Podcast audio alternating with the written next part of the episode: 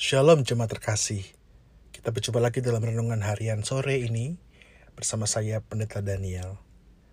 Dan pada sore hari ini mari bersama-sama kita renungkan firman Tuhan yang diambil dari surat Kisah Para Rasul pasal 10 ayat 34.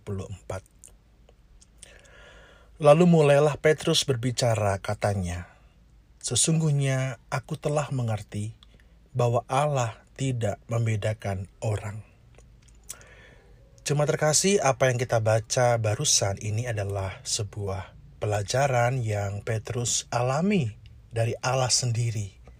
Saat ia mendapatkan penglihatan-penglihatan dan ia diminta oleh Allah bertemu dengan Cornelius, seorang pasukan Italia, bahkan membaptisnya.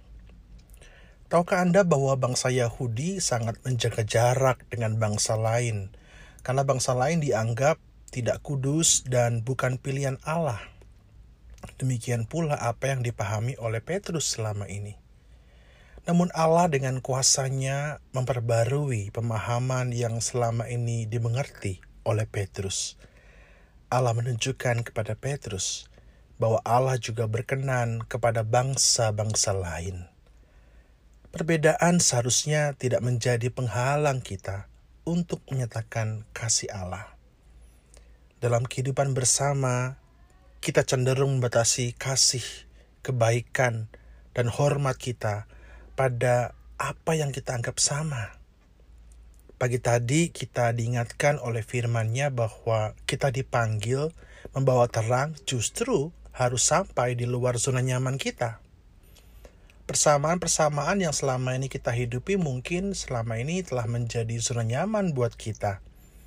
Sehingga kita menjadi pribadi yang antipati bahkan enggan masuk ke dalam relasi-relasi dengan mereka yang berbeda.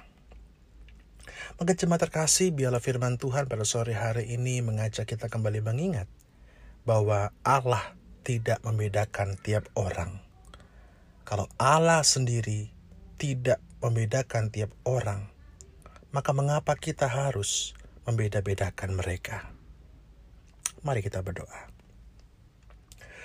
Tuhan terima kasih, kami sungguh bersyukur dan sungguh melihat karya ciptaanmu yang sangat beragam. Mampukan kami Tuhan untuk mau berelasi dengan mereka yang berbeda dan semakin menghayati kasihmu yang ter tak terbatas itu. Terima kasih ya Bapa buat hari ini.